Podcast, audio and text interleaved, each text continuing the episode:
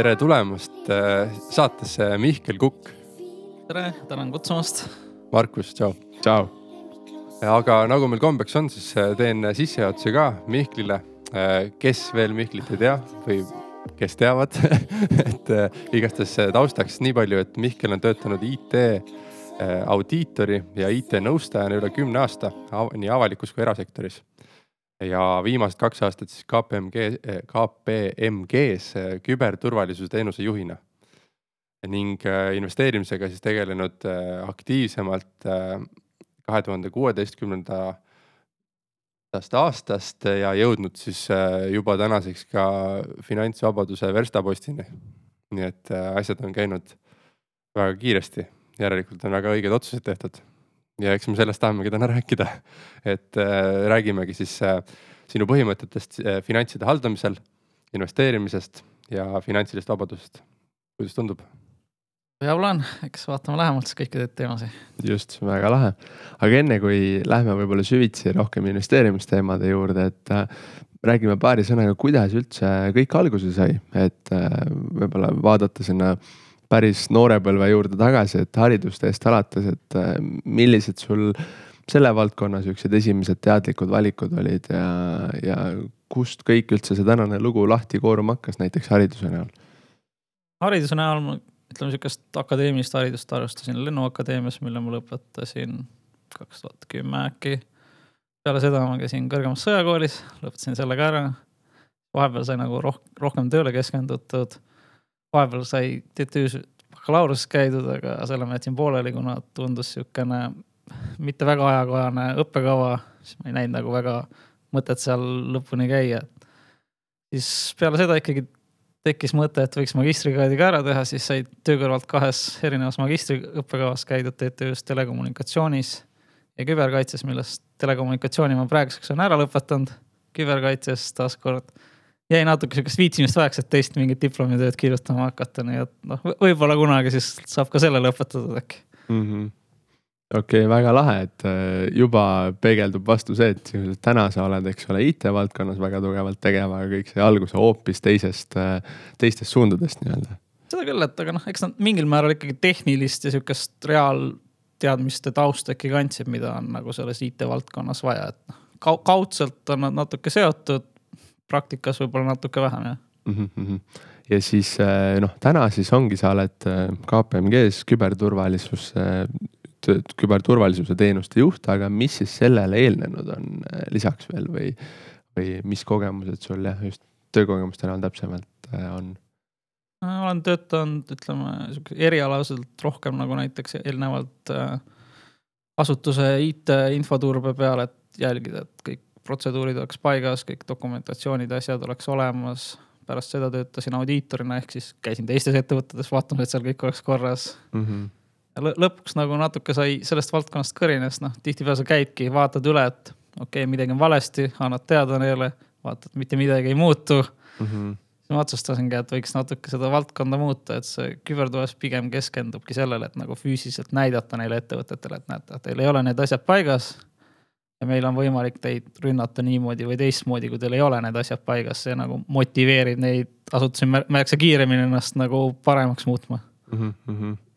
ja, ja, ja siis äh, ütleme, mis sinu loo puhul minu jaoks on hästi inspireeriv sinust on äh, Swedbanki blog, Kukkuri blogis on sihuke hästi vahva lugu ka üleval, kus sa siis äh, oled rääkinud, et, et ütleme mingi hetk sa jõudsid nagu tõdemuseni, et sa Äh, siis soovid oma elus sihukest äh, väga tugevat kannapööret nii-öelda teha ja panid fookuse enese täiendamisele, nii-öelda finantsilise võimekuse suurendamisele ja kõigele sellele. väga inspireeriv lugu oli see minu jaoks, et, et äh, kui võtta teemaks sihuke karjääriredelil enda ülestöötamine, siis kuidas sina oled enda väärtust tööturul nagu tõstnud ja milline on sihukene põhiline mõte ja teguviis seal taga olnud sinu jaoks? Alguses rääkisime, et algus oligi pigem ütleme, keskendunud niisugusele akadeemilisele haridusele, aga ütleme, vahepeal nagu ka töökohti vahetades, nagu sai suht kiiresti selgeks, et akadeemiline haridus võib-olla Eesti-siseselt on nagu enam-vähem okei okay,. Minu valdkonnas siiski laiemalt, kus on nagu välismaa poole vaatad, eeldatakse, ütleme siukseid erialasertifikaate, mis näitavad, et sa mingit konkreetset asja oskad, mis on nagu üle maailma tuntud, sest noh, kui sa kuskil välismaalastega suhtled, nende jaoks TTÜ või Tartu Ülikool siiski enamasti ei ütle väga mitte midagi, et nende jaoks on täiesti suvaline akadeemiline kraad. pigem mm -hmm. ongi siuksed, ütleme rohkem spetsiifilised üle maailma tuntud sertifikaadid, mis annavad sulle tööturul väärtust. ja kindlasti ka ütleme sihuke töökogemus ja erinevate oskuste kogemine, et noh, Eestit üldiselt teatakse suht hea IT-riigina, selles mõttes on natuke hea selline selles valdkonnas töötada, et. ka välismaal antakse sellele palju respekti, et sa oled Eestis, sa tegeled IT-ga, et see juba annab mingil määral plusspunkte natuke ette mm. -hmm. aga ütleme noh, läbiv mõtteviis ikkagi oli siis see, et sa erinevate valdkondade külgede pealt sa oled ennast pidevalt täiendanud, kompetentsi juurde hankinud, sertifikaate teinud ja siis seeläbi enda Äh, väärtust siis tööandja silmis ja muidu tööturul nagu tõstnud. Jah, et ütleme, meil tuleb suht lihtsalt ka see, et noh, sul tihtipeale ütleme mingites projektides on kindlad nõudmised, millele sa pead vastama, et siis on nagu üsna lihtne enda seda karjääriteed ja haridusteed ka planeerida, et kui soovidki nagu edasi ennast arendada, siis sa juba tead, mis samme sa võiks nagu kaaluda järgmiseks tihtipeale. Mm. -hmm, väga lahe. Ja millised on olnud siuksed võib-olla suurimad äh, õppetunnid või siuksed äh, jah, sellel teekonnal siis tööteekonnal äh, seoses karjäärivalikute kõige sellega? pigem ongi see, et nagu tuleks kaaluda, ütleme esiteks valdkonna valikul, et sellel oleks, ütleme sihuke mingi tulevikuperspektiiv, sest noh, suht paljudes valdkonnas me tänapäeval näeme, et asendatakse masinatega ära lihtsalt. tõenäoliselt seal väga palju sihukest perspektiivi ei ole tuleviku mõttes, et seda tasub vaadata esimeste töökohtade puhul kindlasti tasuks ka kaaluda seda, et see töökoht võimaldaks nagu õppida, ennast arendada, käia koolitustel, saada erinevaid sertifikaate või lisaoskusi juurde võimalikult kiiresti, sest noh. esimesed palgad tihtipeale ei ole siuksed unistuste palgad, aga pigem tulekski keskenduda sellele, et ma võimalikult kiiresti jõuaks sinna, ütleme oma valdkonna mõistlikkuse tippu, kus on nagu tõesti head palgad. väga hea. aga siit äh, töö kõrvalt siis ja töökarjääri nii-öelda redeli tõusmisega mingi hetk käis klikk, et peaks hakkama ka investeerima, kas sa paari sõnaga või lausega saad meile ära rääkida, et, et kuidas see mõttemustri pöördumine siis välja nägi ja, ja natuke seda lugu, mis, mis me mõlemad oleme siin Swedbanki Kukru blogist ka lugenud, et, et paari sõnaga seda kokku võtta. eks see pigem tuligi sellest, et noh, sai arutada, et noh, meie, meie põlvkond tõenäoliselt minu, minu arvates seda esimese samba pensionit ei näe, kuna see ei tundu mu jaoks väga jätkusuutlik süsteem. isegi kui me tahaks seda saada, see eeldab, et ma peaks veel töötama tõenäoliselt oma viiskümmend aastat. et noh, mul võib-olla ei ole seda tahtmist, ma võib-olla tahaks eluga vahepeal midagi muud teha, tahaks võib-olla rohkem mingi isiklikke projekte teha. aga see siiski eeldab, et mul on mingi finants olemas, et kui mul ei ole sissetulekut, ma saaks ennast kuidagi sellest üleval pidada. tahaks võib-olla oma mingeid projekte rahastada, et siis saigi vastu võetud otsus, et nagu peab kuskilt leidma ka raha selle jaoks, et muuta oma elu vastavalt, et ei sõltuks ainult tööst mu elu, vaid oleks ka muid lisasissetulekuid. aga, aga alguses siis nagu ma aru sain, siis see säästmise pool oli pigem äh, tagaplaanil ja siis mingi hetk sa siis äh, hakkasid rohkem säästma või kuidas see säästmisega suhe on? säästmise pool ütleme võib-olla tuli nagu paremini esile siis, kui see investeerimise pool nagu juurde tekkis, et mul varem noh, ütleme ei, juba olin nagu endale jaoks nagu mingid siuksed põhitööd selgeks teinud, et ma olin mingi Dave Ramsey ja siukseid raamatuid lugenud, kus nagu enam-vähem seletati ära, et ei ole väga mõistlik mingi krediitkaardi võlgu omada ja rämedaid laene, et noh, selle ma olin suutnud õnneks selleks ajaks juba elimineerida enda elust, et noh, mul oli nii, et palgast jääb mingi summa ikkagi üle mõistlikult. siis pigem oli, tekkiski küsimus, et noh, selle summaga võiks midagi teha. juba hakkad nägema, et sellest esimestest investeeringutest juba mingi raha hakkab tulema, sest noh, endal see motivatsioon ka tõuseb, et oh, võiks äkki üritada natuke rohkem pingutada, et saaks asjad kiiremini liikuma. et, et siis selline mm pensioni, pensioni hüpotees siis, et esimesest sambast midagi tuleb, peab ise üles ehitama. pluss siis investeerimine huvitav ka ilmselt, ma arvan, et, et pakub lihtsalt huvi ka või on ajapikku hakanud rohkem. ja ta kindlasti pakub sihukest no ütleme mentaalset nagu väljakutset, saad ennast harida, saad nagu siukseid challenge eid endale panna, et aitab ennast edasi push ida elus kõvasti. ja üks asi, mis ma üldse nagu mõtelnud viimasel ajal olen, on see, et, et kõik, kes me räägime siis natukene sellest investeerimist ja finantsvabadusest ja muudest asjadest, siis üks disclaimer on ka, et ega meile kõigile meeldib investeeringutega tegeleda ka. Yeah.. et kui päris ei meeldiks, oleks ennast võib-olla raske sundida seal nagu lugema eh, erinevat kirjandust ja, ja nii edasi. no eks ütleme, kui sulle ei meeldiks sellega tegeleda, siis tõenäoliselt sa lihtsalt valiks natuke teise lähenemise, et sa võib-olla valiks, ütleme mingid täiesti passiivsed mingid fondid, kus sa nagu väga ei pea kätt pulsil hoidma, sa saadki stabiilselt, et on otsekorraldus, et iga kuu mul fikseeritud summa eest ostan midagi. et noh, lihtsalt kogun endale mingeid mõistlikke varasid et saab, saab ka nii hakkama, aga noh, tõenäoliselt jah, enamus inimesel ikkagi natuke rohkem huvi tekib, siis sa ikkagi uurid, loed, arendad natuke kiiremini ennast selles valdkonnas mm.. no aga proovime siis huvi, seda, seda huvi rohkem tekitada siin inimestes, aga et, et investeerimise kõrvalt äh, siis kahe tuhande kuuendast, kahe, kaks tuhat kuusteist aastal alustasite aktiivsemalt ja teadlikumalt ja, ja tänaseks siis on finantsvabadus klassikalises terminis siis nii-öelda saavutatud, et äh, kuidas sina ise defineerid finantsvabadust?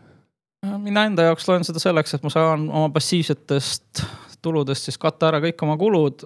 Ma olen siin nagu ütleme siukse kümneprotsendilise vea sisse arvutanud, sest noh, need kulud ikkagi mingil määral kõiguvad. kuna selles on kaetud, siis on, ütleme sihuke finantsvabadus saavutatud, et. et tõenäoliselt noh, mu enda eesmärk on natuke suurem, nendest me räägime ilmselt natuke hiljem et noh, kui sa lõpuks ütleme selle finantsvabaduse saavutad, tööst loobud, hakkad muude asjadega tegelema, siis noh, tõenäosus on, et kulud ka kasvavad, et ka seda tasuks nagu arvestada et võib-olla töö ajal sa ei kuluta nii palju, noh, sa enamus aega tööl. Kui sa finantsvaba oled, võib-olla reisid, teed mingeid muid asju, siis sul need kulud on natukene teised jälle. millised sinu sellised igapäevased praegu finantsharjumused äh, on, et, et kuidas sa oma finantse siis haldad? Äh, ütleme, pean eelarvet pigem siuksel su suures plaanis ei, ei kirjuta igat eurot, igat senti üles, kuna ma ei näe sellel enam nii palju väärtust, et on olemas sihuke rahvli eelarve, et ma tean, palju mul umbes kulub mingitesse kuluklassidesse, et ma teaks kuu alguses näiteks, et nii palju ma võin see kuu ära investeerida, et ma saaks seda raha kohe nagu kuu alguses planeerida, kui ma tahan midagi juba investeerida või mingit ostu teha sellega. põhimõtteliselt sellest, sellest lähtungi mm. -hmm. aga, aga siis sa ütlesid ka, et eesmärgi poolt, et mis su selline kaugel terendav eesmärk on? esialgu on seatud eesmärgiks, et kaks tuhat kakskümmend saavutada, ütleme siis neljakordne finantsvabadus ehk siis passiivne sissetulek kataks kulud ära neljakordselt, ehk see annaks nagu piisava ruumi, et näiteks kui kulud kahekordistuvad, oleks endiselt võimalik pool näiteks rahast edasi investeerida ja oma varas ikkagi edasi kasvatada hästi mõistlikult. jah, ja kaks tuhat kakskümmend ei ole väga kaugel. tõsi, tuleb tööd teha selle nimel väga huvitav. väga lahe, aga liigume siit võib-olla siis konkreetsemalt investeerimisteemadesse, et hakata seda palli niimoodi ajaloost lahti arutama, et millised olid sul üldse esimesed investeeringud ja kuidas see kõik alguse sai? No ütleme, alguseks võiks ilmselt lugeda seda, kui ma sattusin Peeter Pärteli ühele kinnisvarakoolituse suht täiesti juhuslikult seal tutvustati mulle sihukest lauamängu nagu Cashflow, millest ma esialgu ei saanud väga mõhkugi aru, me seal üritasime kolm või neli tundi seal midagi mängida, midagi väga ei toimunud. tundus vähemalt mingil määral huvitav, siis sai see nagu kaasa ostetud, kodus tuttavatega nagu läbi proovitud. mängus tundus nagu päris loogiline, et lähed panka, võtad hunniku raha, ostad korteri. Hakkab iga kuu passiivselt rahavoogu tulema, tundus sihukene päris hea skeem.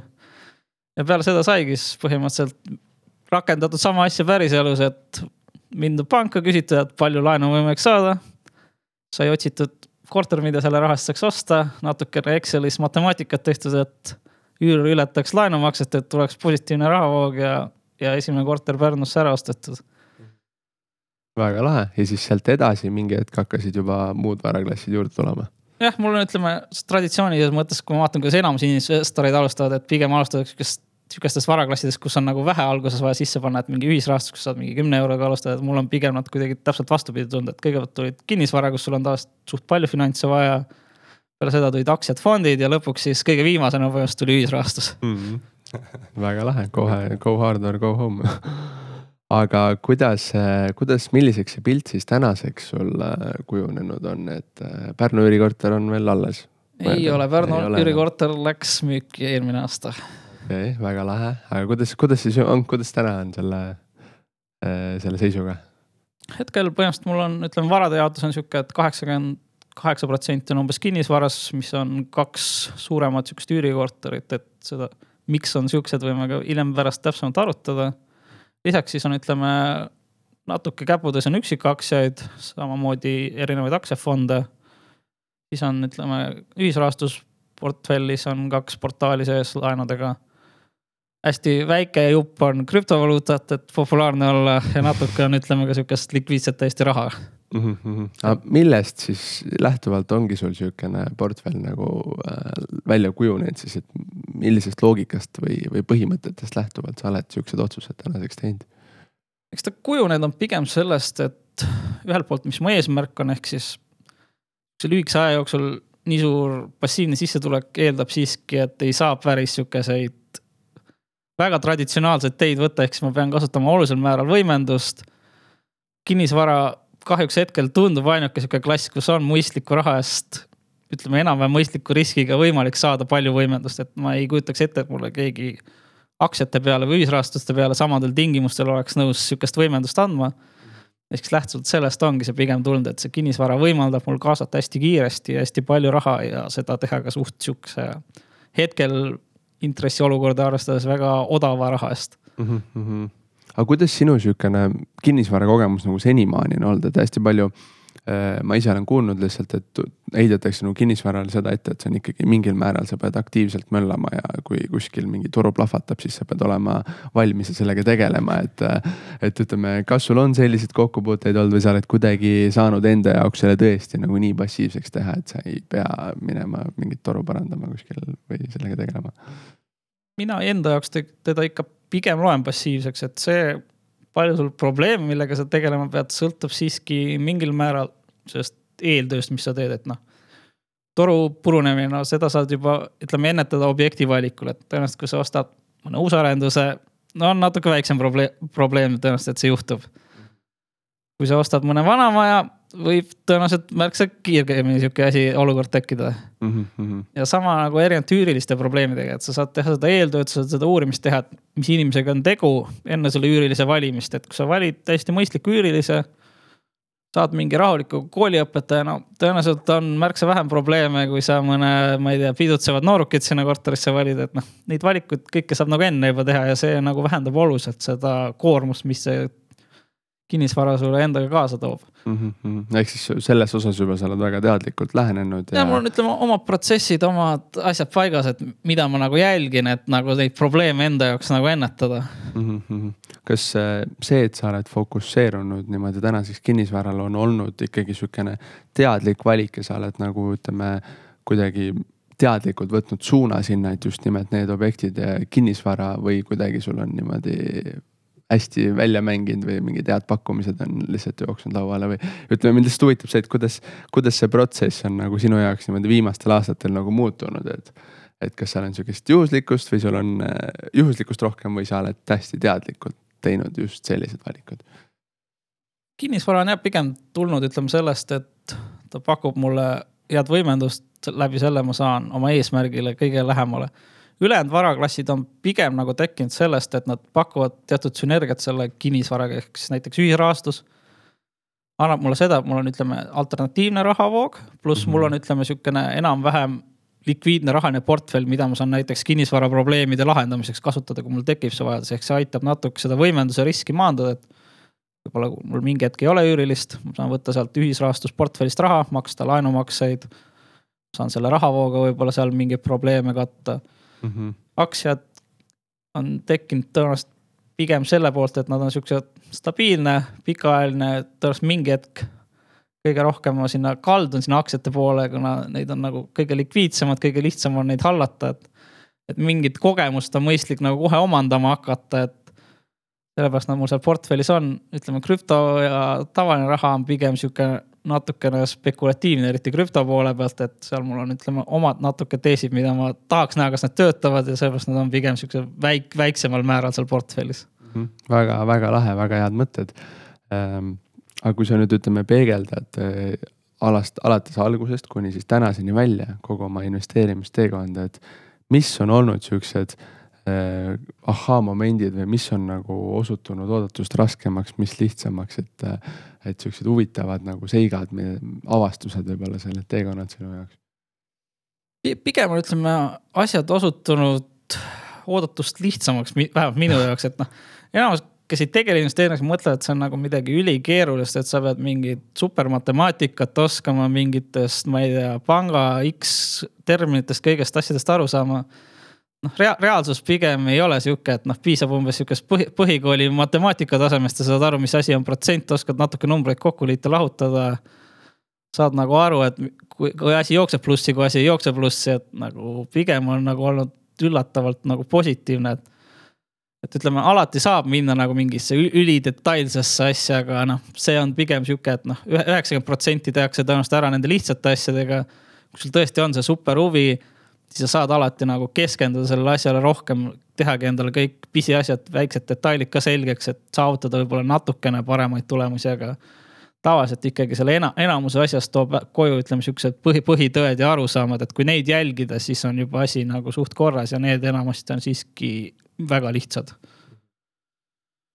aga kui liikudagi nüüd selle kinnisvaraportfelli juurde, et, et eh, nagu ma aru saan, siis sul on eh, portfellis nüüd kinnisvara, need korterid on elukondlikud äh, kinnisvara, elukondlik kinnisvara ehk inimesed elavad sees ja maksavad üüri seal. jah, et ma ärikinnisvaraga ei tegele, vähemalt hetkel mitte, kui seal tekib suuri, suurepärased võimalused, siis ma enda jaoks nagu ei välista kunagi midagi, aga hetkel on tõesti kaks sihukest suuremat korterit objekti valikul ma olengi pigem lähtunud sellest, et kui ma vaatan nagu enamus investoreid jälle kinnisvarasektoris, eriti siuksed väiksemad, siis pigem nad üritavadki endale leida siukseid ühetoalisi võimalikult väikseid. minu jaoks näiteks taaskord see turg ei tundu nagu sihuke minu jaoks atraktiivne, et ma ei soovi seal kõigiga konkureerida. kus need hinnad natuke tunduvad mu jaoks kõrged hetkel. lisaks, kui ma vaatan, see konkurents on väga tihe, et kui ma lähen, ütleme sihukest pool ütleme kahesaja viiekümne tuhandest korterit ostma, siis ma ei näe seal nagu investorite ja inimeste horde nagu tunglemas, kellega ma peaks nagu konkureerima hakkama, et mu jaoks on see nagu palju mugavam keskkond, kus olla. aga mis, mis nende selliste korterite eelis on sinu jaoks või kus sa näed, et, et või mis, mis see sinu jaoks tundub, et seal on parem? Kui, kui väikeste korteritega, et ma saan aru, et kahekümne, kahesaja viiekümne tuhandest korterid ei ole kindlasti ühetoalised ka, et ilmselt on äh, kahe need ja rohkematoalised. Need on jah, sihuke ütleme üheksakümmend ruutmeetrit pluss korterid, sihuke kolm-neli tuba tavaliselt. ütleme noh, eeliseks võib-olla võikski tuua välja selle, et sul on, ütleme, konkurents on märksa väiksem, kuna sinna turule sisenemine eeldab ikkagi olulist teist kapitali olemasolu, et su sissemaksuraha peab olema suurem, sul peab olema võimalus kaasata märksa rohkem raha laenuna nagu kui mu eesmärk on, mul on vaja väga palju raha kaasata, siis nagu sobib ka selle eesmärgiga väga hästi mulle kokku. teiseks ütleme, see üüri klient on nagu absoluutselt teine, et noh, sul pigem on, ütleme, kas sihuke pere, pigem sihuke jõukam klient. et sealt taaskord noh, ma ei tea, mõned investorid on öelnud, et need jõukamad kliendid neile ei sobi, nad nõuavad liiga palju minu kogemus on pigem olnud vastupidine, et nendega on nagu väga lihtne suhelda, nad üldiselt ei, ei ole siuksed nagu, et helistavad sulle, et mul on vaja lambipirni vahetada, et miks sa juba siin ei ole umbes, et siukseid probleeme ma ei ole küll kohanud, et aga ku, kuidas sa näed sellist, selle kinnisvaraturu praegu üldse laiemat pilti, et kas sa muretsed ka äh, potentsiaalse languse pärast või on, on hinnad liiga kõrgel või kuidas sa hindad seda suuremat pilti? Ütleme siukse languse pärast muretsemist, seda ma pigem loen meedias, et seal minu arust kogu aeg muretsetakse selle languse pärast, et no, ei, ei näe, et minu enda jaoks see nagu väga palju mingit väärtust omaks, et ma sellest muretseks. sa vist ei oleks saanud üldse investeeridagi, kui sa oleks äh, meediast vaadanud, et langus tuleb, sest minu arust sellest räägid kaks tuhat neliteist aastast alates juba. no täpselt, et noh, selle languse ootamine ei anna nagu väga, et pigem noh ma rakendangi mingeid meetmeid, et kui see tuleb, ma olen selleks valmis, nagu me enne rääkisime, et noh, ühisrahastusportfelliga ma saan seda taas taandada, ütleme mingeid probleeme seal samamoodi mul on väga stabiilne töö, ma saan sealt rahavoogudega seda kaitsta, kui on vaja. et pigem mul on, ütleme siuksed kaitsemeetmed paigas ja ma saangi nagu kogu aeg kasvatada, et ma ei pea lihtsalt istuma ootama, et äkki nüüd homme tuleb kriis, äkki ma nüüd seni ei tee midagi. et pigem tegeledagi aktiivse nagu kasvatamisega. ütleme, minu jaoks kinnisvaraturg on suht stabiilne, hinnatasemed, no ütleme num numbreid vaadates kõik ilmselt ütlevad, kes ostma peavad, et kallis-kallis kui nagu neid analüüse natuke lugeda, siis ütleme sihuke kesk, keskmised sissetulekuid ja võrrelda ja hinda, siis noh, tõenäoliselt on suht okeid hinnatasemed. Mm. jah, eks noh, hinnad tõusevad, praegusel turul on tõusnud kogu aeg, siis on kogu aeg ostuhetkel on kallis, aga kaks aastat tagasi vaadates on nagu olnud okei okay ost et... no,. palgad on ju samamoodi need kõik kaks aastat tõusnud, et noh, sul nagu mõlemad aspektid tõusevad. Mm. lisaks noh, ütleme nüüd viimasel ajal on ka siin tekkinud siukseid potentsiaalseid suuri mõjutajaid, mis võivad siin mingi, mingi pikemas plaanis turu olukorda oluliselt muuta, näiteks, et kui see Tallinn-Helsingi tunnel tehakse, noh, kui sa võrdled Tallinna kinnisvara hindu Helsingi hinnaga. seal on vahed ikkagi kordades, et kui see tunnel tehakse, tõenäoliselt seal mingi ühtlustumine hakkab toimuma näiteks. samamoodi tõenäoliselt Rail Baltic võib-olla mingil määral mõjutab kinnisvara hindu ja ütleme, siukseid väiksemaid mõju- mõjureid nagu väljaspool Tallinnaid on samamoodi, et noh, Tapas, sõjaväelinnak, Viljandis, Cleveroni tehased, et ütleme, siukseid erinevaid mõjureid on nagu erinevas kohas suht palju, et aga kui vaadata seda, et, et sa ütlesid ka, et, et kinnisvara eh, portfelli omamiseks on vaja võimendust päris korralikult, et siis eh, mis need sinu võimendusallikad on? kas, kas eh, oled nagu läinud klassikalist kodulaenu teed, oled saanud mingeid muid rahastusi, mingeid muid laene? üldiselt jah, ma võim-, võimendust kasutan päris ohtralt. seniste korterite puhul ma ei ole ühtegi korterisse rohkem ise raha pannud kui kümme protsenti. Pigem on tehtud sada protsenti isegi laenuga tehinguid. vahenditest noh, põhimõtteliselt ongi nagu kaks põhivarianti, mida ma seni olen kasutanud, ehk siis mõnel tuttaval aeg-ajalt on natuke raha üle, mida ta on nõus mulle kasutada andma nullintressiga, mida on alati hea kasutada ja ka pangad pakuvad praegu, ütleme sihuke päris mõistliku intressiga laenu, et sihuke ühe-kahe protsendi peal mitusada tuhat laenu saada on nagu päris meeldiv minu jaoks vähemalt. Aga sellist äh, ärilaenu teed sa ei ole vist läinud jah, et, et ettevõtet üles ehitanud, et ettevõttel oleks piisavalt tugev bilanss ja sealt pealt siis tõsta sellist nelja-viie protsendist laenu ja sealt kinnisvara. ütleme li, liigun sinnapoole, et noh, seal ongi see, et eraisiku laenudel siiski tuleb mingi hetk lagi ette, et noh, sissetulekut saab kasvatada, aga seda tihtipeale ei suuda kasvatada sihukeses tempos, mis tahaks nagu kinnisvara osta, et. ilmselt lähiaastatel mul ongi probleem see, et ma pean liikuma ka ütleme ettevõtte alt mingite laenude kavatsemiseni. Kuid seal on, ütleme nat-, natuke teised tingimused, mis muudavad asja nagu oluliselt keerulisemaks, kuna seal on, ütleme, need laenuperioodid oluliselt lühemad. intressid, ütleme väga palju kõrgemad ei ole, aga siiski on kõrgemad, mis tähendab, ka see objekt peab olema selle võrra kvaliteetsem, et see rahavoog oleks sealt parem just, just. mis selline kinnisvara mõttes äh, järgmised sammud on sinu jaoks? et ongi, ongi siis proovida ettevõttelt äh, siis võimendust juurde saada, siis saab laiendada seda portfelli või? Mm, tõenäoliselt küll, et noh, tõenäoliselt ma saan, ütleme eraisikuna ilmselt ühe korteri veel järgmine aasta lõpp osta ja siis on mõneks ajaks jälle võimendus otsas, et siis peabki hakkama ja vaatama, et kas ettevõtte alt kaasata laenuna raha või siis hakata otsima, ütleme rohkem siukseid tuttavaid, kes või teisi inimesi veel, kes tahaks nagu koos investeerida, kelle raha saaks mingil moel kaasata, ütleme projektidesse. jah, mõistlik, siis hoiame kõrvad, silmad lahti. et, et äkki paneme mingi pundi kokku aga, aga riskidest ka, on, on mingeid riske realiseerunud sul kinnisvaraportfellis? olulisel määral mitte, kuna ma siiski nagu keskendun väga palju selle peale, et ma olen nagu valmis teatud asjadeks. et noh, ma olen enda jaoks läbi mõelnud, et minu jaoks ütleme, on täiesti okei okay,, kui mu korterite üürid langevad viiskümmend protsenti. Nad jookseks endiselt rahavoo positiivselt, ma ei peaks sinna ise midagi peale maksma. kui see stsenaarium läbi kukub, siis mul on, ütleme nagu ma enne mainisin, ühisrahastusportfell, millest ma saan neid kulusid katta. kui see saab otsa, ma saan oma palgast veel kulusid katta kui mind lahti ka veel lastakse, siis tõenäoliselt on veel väga hädavariant minna panka, küsida aasta aega maksepuhkust, ehk siis noh, kui kõik need neli asja läbi kukuvad, siis tõenäoliselt meil on mingid väga suured probleemid kuskil juba, et. ma eeldan, et need nagu enamasti peaks vett pidama. Ja üüriliste osas pigem on ja ütleme sihuke eelnev taustakontroll, inimestega suhtlemine, uurimine näiteks ka nende kohta, et see on nagu pigem aidanud ära hoida, et sealt nagu mingeid olulisi probleeme tekiks, et kas kasutad maaklerit ka või, või teed ise äh, oma üüringu, üüriliste otsinguid? olen mõlemat teinud, et on nii maaklerilt tulnud üürilisi, kui olen nagu ise otsinud, aga ütleme, see minu taustakontroll jääb ikkagi mõlemal puhul, et see, et maakler mulle üürilise toob, ei garanteeri kohe seda, et see üüriline ka nagu saab selle korteri reaalselt mm. -hmm.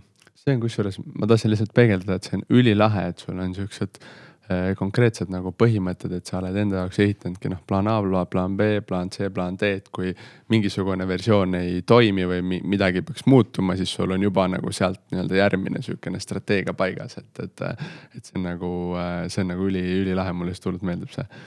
aga äh, rääkides natukene ütleme aktsiatest või osaluspõhistest investeeringutest, et noh, sa mainisid, sul on ka äh, Äh, aktsiaid, et võib-olla mille põhjal üldse sa oled tänased äh, aktsiainvesteeringute valikud teinud või millest nagu lähtuvalt, mis sulle nende ettevõtete puhul on äh, meeldinud või huvi pakkunud?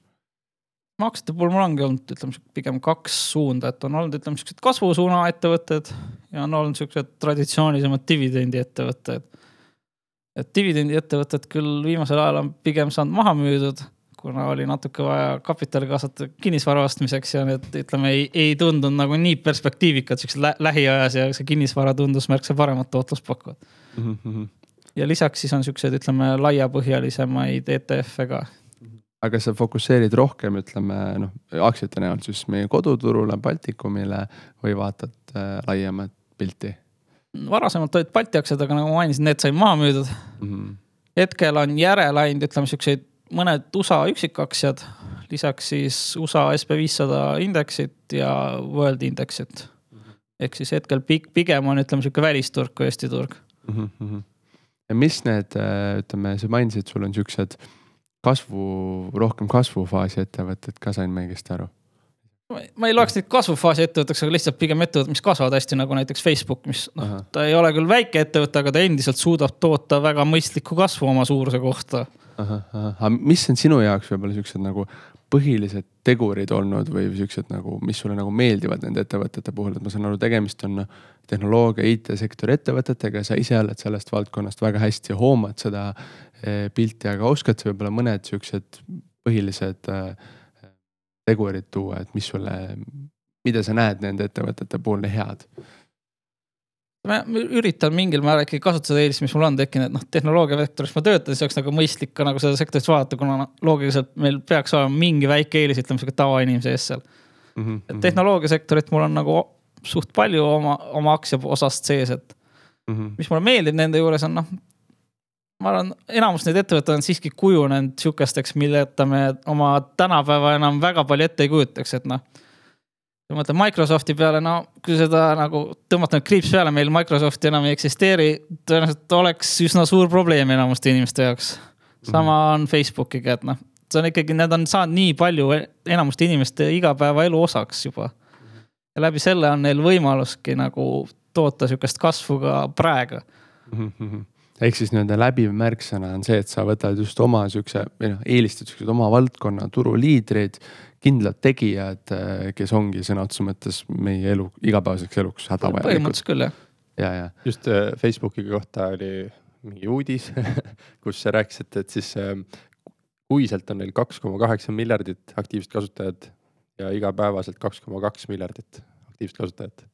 no vot. võib olla küll turuliider täitsa võib mille puhul sa või milles sa ütleme sihukeste ettevõtete puhul, ettevõtete valikul, aktsiate valikul võib-olla nagu enda jaoks järeleandmisi ei tee, et mis on siuksed kindlad verstapostid sinu jaoks, et kas selle analüüsi koha pealt ka võib-olla, et, et on mingid, ma ei tea, kasum, kasumlikkuse näitajad oled enda jaoks paika pannud või, või vaatad sa nüüd rohkem laiemalt, et, et äri on huvitav, saad aru sellest ja, ja siis.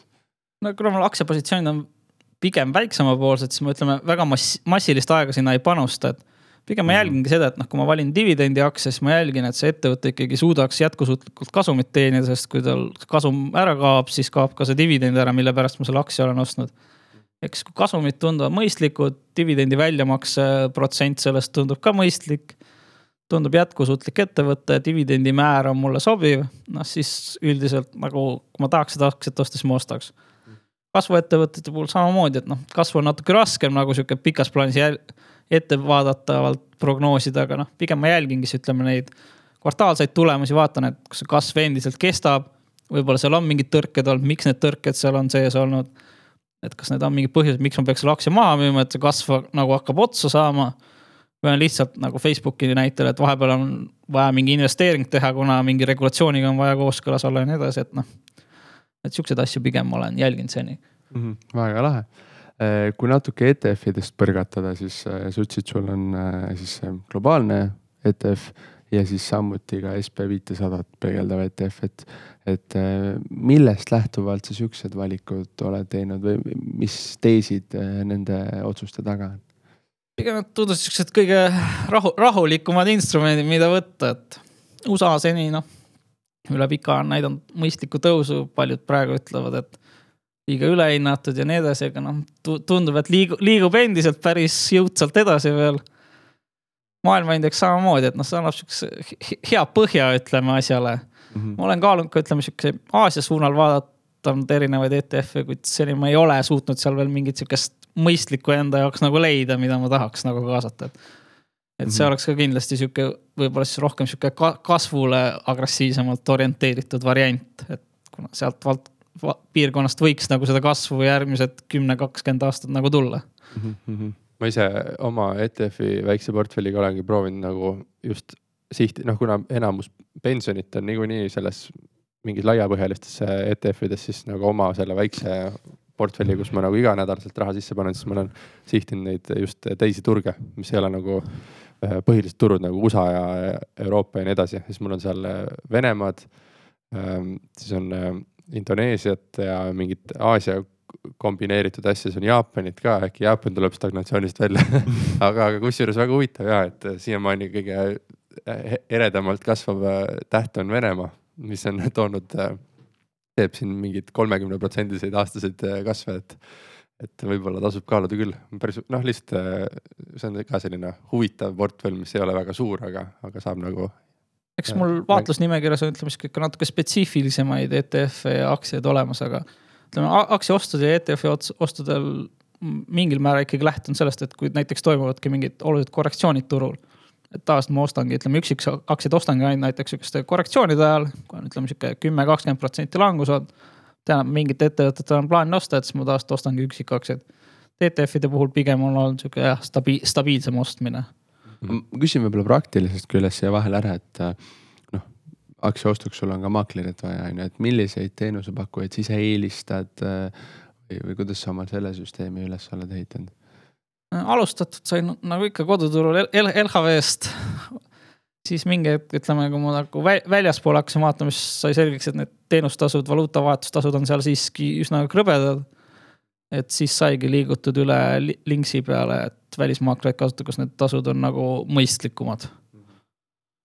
Väga hea point. ja Linksis mingeid väljakutseid ei ole, kõik liigub sujuvalt? seni on nagu suht, suht kiiresti, ütleme isegi on mingi probleem, on ütleme helpdesk suutnud ikkagi väga mõistliku aja jooksul lahendada, et pigem need probleemid olid alguses selle asja ülesseadmisega ja jooksma saamisega, et hiljem nagu ei ole olulisi probleeme olnud, et mm,. just, aga väike osa sul portfellist on siis ühisrahastuses ka või ühisrahastuse kaudu siis laenudesse investeeritud. kas sa oled eraldi andnud laene ka väljaspool äh, portaale? aeg-ajalt on tulnud ette ka seda, et annan nagu portaaliväliseid laene, aga neid pigem on olnud vähem. okei okay,, et see ei ole selline süsteema, süsteemne või süstemaatiline lähenemine pigem äh, siis, kui on tulnud mingi pakkumine, siis oled teinud. jah. aga portaalide kaudu, milliseid portaale ise oled eelistanud või kus praegu investeerid? portaalides mul hetkel on raha nii Mintases kui oma rahas miks, miks just need on sõelale jäänud, oled teisi ka proovinud või? proovinud ei ole, kuid noh, ütleme see algses analüüsis ma ikkagi vaatasin, noh, mis, mis siin turul veel saada on, et on teatud põhjus, miks ma neid nagu enda jaoks välistanud olen, et. et noh, kuna kinnisvara ma teen nagu füüsiliselt päris kinnisvarana, siis ma nagu ei näe, et ma tahaks ühisrahastust veel seda osakaalu enda jaoks suurendada. lisaks ma ei ole nagu väga huvitatud, ütleme sihukeste üksikprojektide pidevast analüüsist ja asjast, et see on mu jaoks natukene aja raiskamine, et minu jaoks on väga oluline see, et saaks selle asja ära automatiseerida enda jaoks, et seadistan ta enam-vähem paika.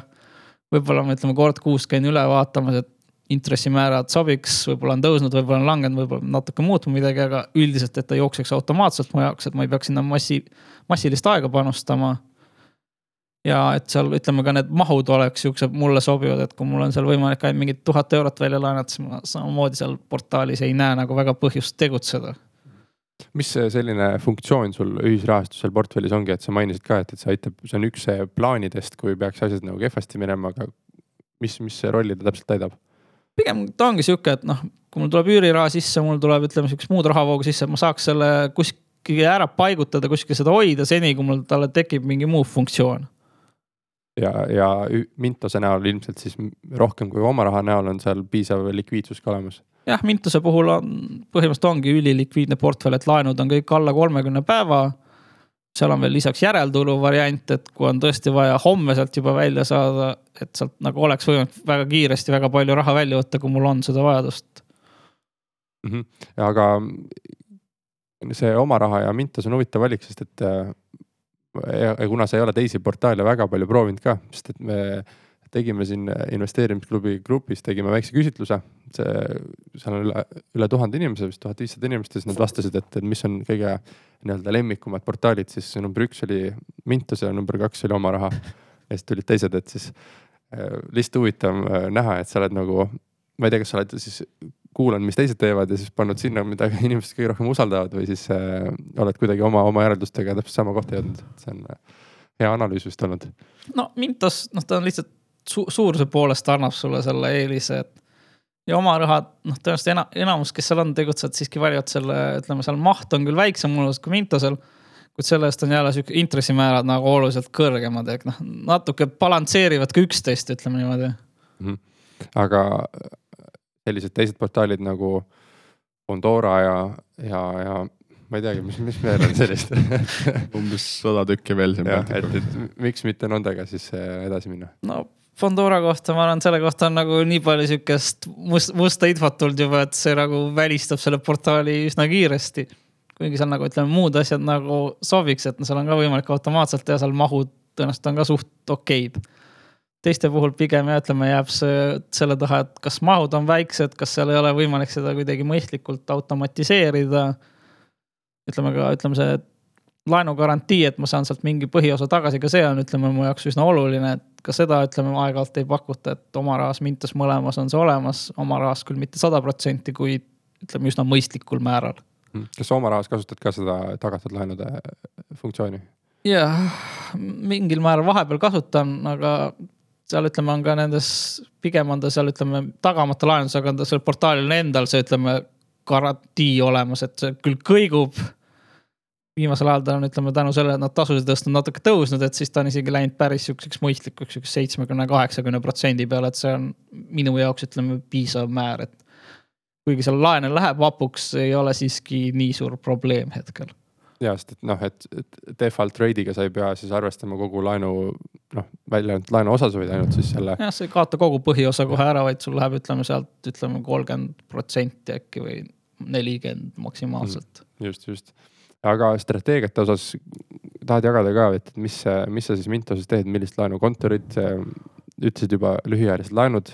et see, see piirab ära ka vist laenukontoreid, et, et kõik laenukontorid ei teegi väga-väga lühiajaliseid laene et hetkel on suurem osa läinud äh, Varksi, kuna seal on kõige mõistlikumad intressid ja on võimalik seda alla kolmekümnest päevased laene teha, aeg-ajalt on ka muid kontoreid sinna sisse läinud. On olnud Mogot, Banknote'i ja mõningaid vähemal määral veel, et aga praegu põhi, põhimus, põhiosa läheb Varksi siiski, et noh, minu jaoks on ole, et seal mul olekski sihuke kõige, kõige likviidsem raha, mida mul ütleme, kui mul tõesti ho homme on mingit raha vaja, et ma saaks sealt hakata kiiresti võtma, et mm. -hmm. kas sa näed ka, et, et see ühisrahastuse osakaal kasvab mingi hetk ajas või, või ka kasvõi kui me võtame, vaatame tagasi nendele aktsiatele, ETF-idele, et, et praegu sul on tõesti nagu enamus osa on kinnisvaras sa ütlesid vist ligi kaheksakümmend protsenti portfellist ja. peaaegu üheksakümmend isegi. isegi üheksakümmend on ju, et siis äh, kas sa näed, et, et kunagi tulevikus siis see ülejäänud osa võiks suuremaks kasvada? absoluutnumbrites kindlasti kasvab kogu aeg mm. -hmm. probleem ongi see, et ütleme proportsionaalselt ta ei pruugi kasvada, sest kui ma ostan uue kinnisvaraobjekti, seal minu raha on jälle vähe, palju on võimendust, ehk siis ta on suur osa mu portfellist. aga ühisrahastus on nagu põhimõtteliselt kogu raha on minu raha ehk siis noh, proportsionaalselt ta või, võib-olla ei kasva, absoluutnumbrites kindlasti pidevalt kasvab, sest noh, üüriraha, mis mul sisse tuleb, enamasti lähebki siis kas aktsiatesse või läheb ühisrahastusse. Aga huvitav küsimus, mida enne kinnisvara puhul ei küsinud, et siis äh, üürikorterid, aga ise, kas sa oled enda jaoks ka oma kinnisvara pinnal elad või elad üüripinnal?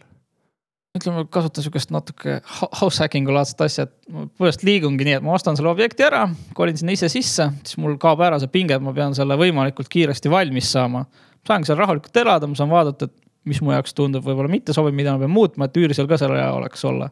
Teen selle objekti valmis, üürin välja ja siis otsingi järgmise objekti põhimõtteliselt, kuhu, kuhu kolida päris lahe. see on jah, see on selline äge strateegia, et nagu noh, et sa ehitad natuke ka endale, et sa vaatad, kus sa ise tahaks elada ja selle järgi siis oled veendunud, et, et üürnik ka tahab seal elada. jah, kuna ma ütleme, kui natuke erinevat kinnisvara teen, siis seal see pigem annab sihukest lisaväärtust, et sa oledki nagu seal ise sees, sa saad aru, et mis seal võib-olla ei toimi nii hästi, mida peaks muutma, et, et ka üürilisele see meeldiks.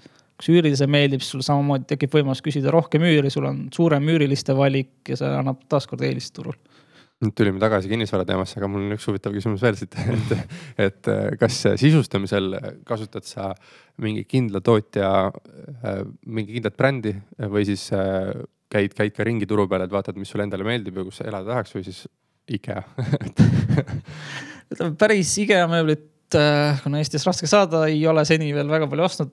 Mingeid asju ma olen ostnud, ütleme sihukestest, ütleme valmistoodete poest mingid mööbel üks ja on kakskümmend neli ja kes iganes siin Eestis müüvad seda mingit odavama otsa mööblit, sest noh, mõne eseme puhul ei ole nagu väga vahet, kust see on ostetud. väga palju on ka ütleme sihukest eritellimusmööblist, kuna natuke keerulised korterid, siis tihtipeale sinna mingid asjad nagu otse poest ei sobi. mul ongi tekkinud nagu siuksed tutvused eritellimusmööblit valmistajate juures ja üllatavalt võib öelda, et tihtipeale ütleme sihukest eritellimusmööblit tihtipeale võib isegi saada odavamalt kui sihukest poemööblit, et saad täpselt sihukese asja, mis tahad ja saad odavamalt, kui sa poest mingi mitte nii hästi sobiva asja saaks isegi mm,. see on küll huvitav kuidas nii siis no,? ma ei oska muud küsida selle peale. see tekibki see, ütleme see tut tutvuste ajaviku kaudu, et kui sa ostadki neilt pidevalt mingeid kaupa, siis sa saadki ka natuke paremad tingimused, natuke parema suhtlemise sealtpoolt, et mm. -hmm. jah, et siinkohal tuleb ette siis praegu mälupilt mulle, kuidas ostad äh, uue siis korteri näiteks kolme kuni neljatoalise. ja siis rahulikult saad seal neljas toas ise sees elada, nii kaua kui seal ära müüd, et samas, ähm, samas on ruumi küll ja täitsa mõnus. ja, ja äh, võib-olla hakkame siin natuke lõpufaasiga jõudma juba, et äh, räägime võib-olla sihukesest praktilistest tööriistadest ka natuke, et sul on hästi palju Ehm, noh, siis kinnisvara väga suur osakaal on ju ja sihukene rahavoogude ütleme ajatamist ja jälgimist seoses igast noh laenude teenindamisega, üüri vastuvõtmise, kõige sellega. et eh, milliste vahenditega sa jälgid omal ütleme kogu sellist portaalis või ütleme port-, portfellis nagu toimuvat ja selle poole endal üles oled ehitanud? Kas põhi, põhitööriist nagu meil kõigil on sihuke tore sõber Excel, kus on palju ilusaid ta tabeleid ja numbreid, et eks sinna on nagu kujunenud aja jooksul ütleme eri, erinevad tabelid, mille järgi ma nagu erinevaid asju enda jaoks jälgin, et palju mul kuskilt rahavoogu tuleb. palju mingi asjade tootlus on olnud viimasel ajal, kuidas need liiguvad. kuidas üldse nagu vara, varade ja laenude suhe on ja kõik, kõiki siukseid asju, et mm. -hmm. et siis noh, sisuliselt oledki põhimõtteliselt enda vajadustest lähtuvalt ehitanud üles lihtsalt Exceli dokumendid ja siis number sisse ja vastus, vastus välja ja. ja ütleme sihuke spetsiifilisema asjade jaoks ma ei ole nagu paremat lahendust hetkel leidnud, et noh, sihuke e-, eelarve pidamiseks on mul sihuke mingi äpp, äpp olemas, kus ma saan seda pidada normaalselt, et seal mul ütleme mingi väga spetsiifilisi vajadusi ei ole. noh, aktsiate osas on samamoodi, et sa saad sealt panga kodulehelt saad päris viisaka ülevaate, et mis, mis seal toimub mm -hmm.. võib-olla ütleme niisugune uudisvoo osas, et äh, mis iganes kinnisvaraturul toimuvad, kust, äh, kust sa üldse kogu seda infot saad, ütleme, kui sa hakkadki näiteks uut korterit endale mõtlema, et võiks portfelli võtta, et. et mis, kust sa vaatad neid, kas sul on mingid oma inimesed, kellega sa suhtled või on klassikaline kv.ee või, või kuidas sa nagu selle protsessi üles oled ehitanud? siuksed mingid ülisalajasi, üli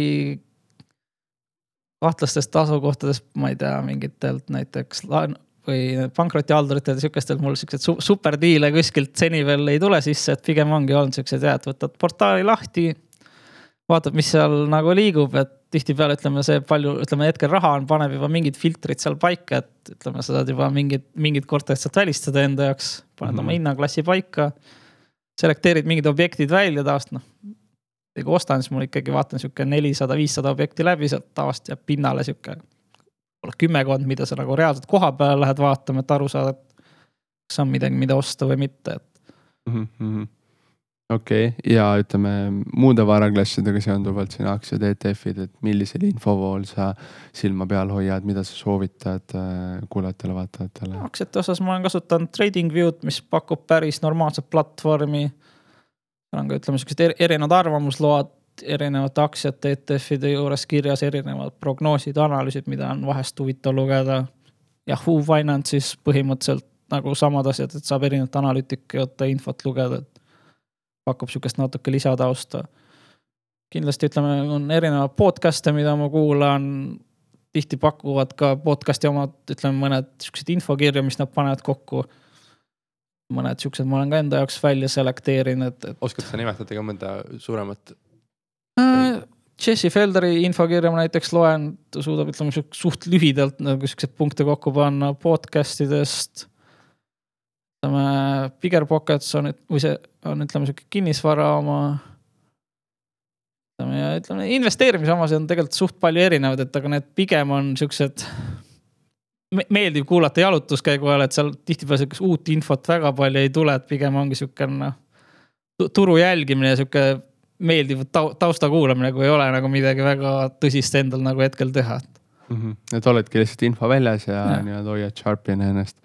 ja, ja kui võtta siis ütleme noh, podcast idest siia juurde siis erinevad blogid või siuksed lugemissoovitused, et millistest äh, raamatutest ja blogidest oled sina kõige rohkem infot ja abi saanud? Blogisi, ütleme, olen nagu üsna laisk luges, blogisi ma väga palju ei loe ma olen Roosaare blogi olen aeg-ajalt nagu vaadanud, mis, mis toimub, aga no taas need Eesti blogid tihtipeale kipuvad olema siuksed. ma ei tea, üheksakümmend protsenti postitus on see, et mis eelmine kuu toimus, et seda numbrite liikumist mul nagu väga põnev vaadata ei ole, et see mulle. nagu nii palju mingit väärtust ei paku, et vahe, vahest on nagu okei okay, kiigata, aga no väga süvenenult ma sinna ei keskenduks, et.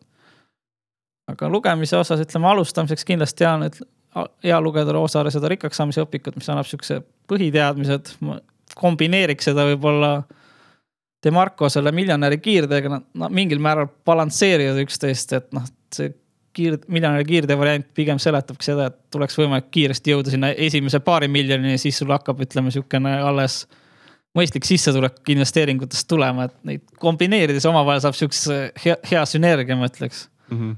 Mm -hmm ja sihukestest mitte investeerimisalastest asjadest, noh, pigem on nagu oluline sihukest üldist maailmapilti võib-olla endale kujutada, kujundada, et. tihtipeale me mõtleme, et me mingitest asjadest saame õigesti aru, aga reaalselt see ei pruugi niimoodi olla, et selles mõttes on näiteks täitsa head raamatud.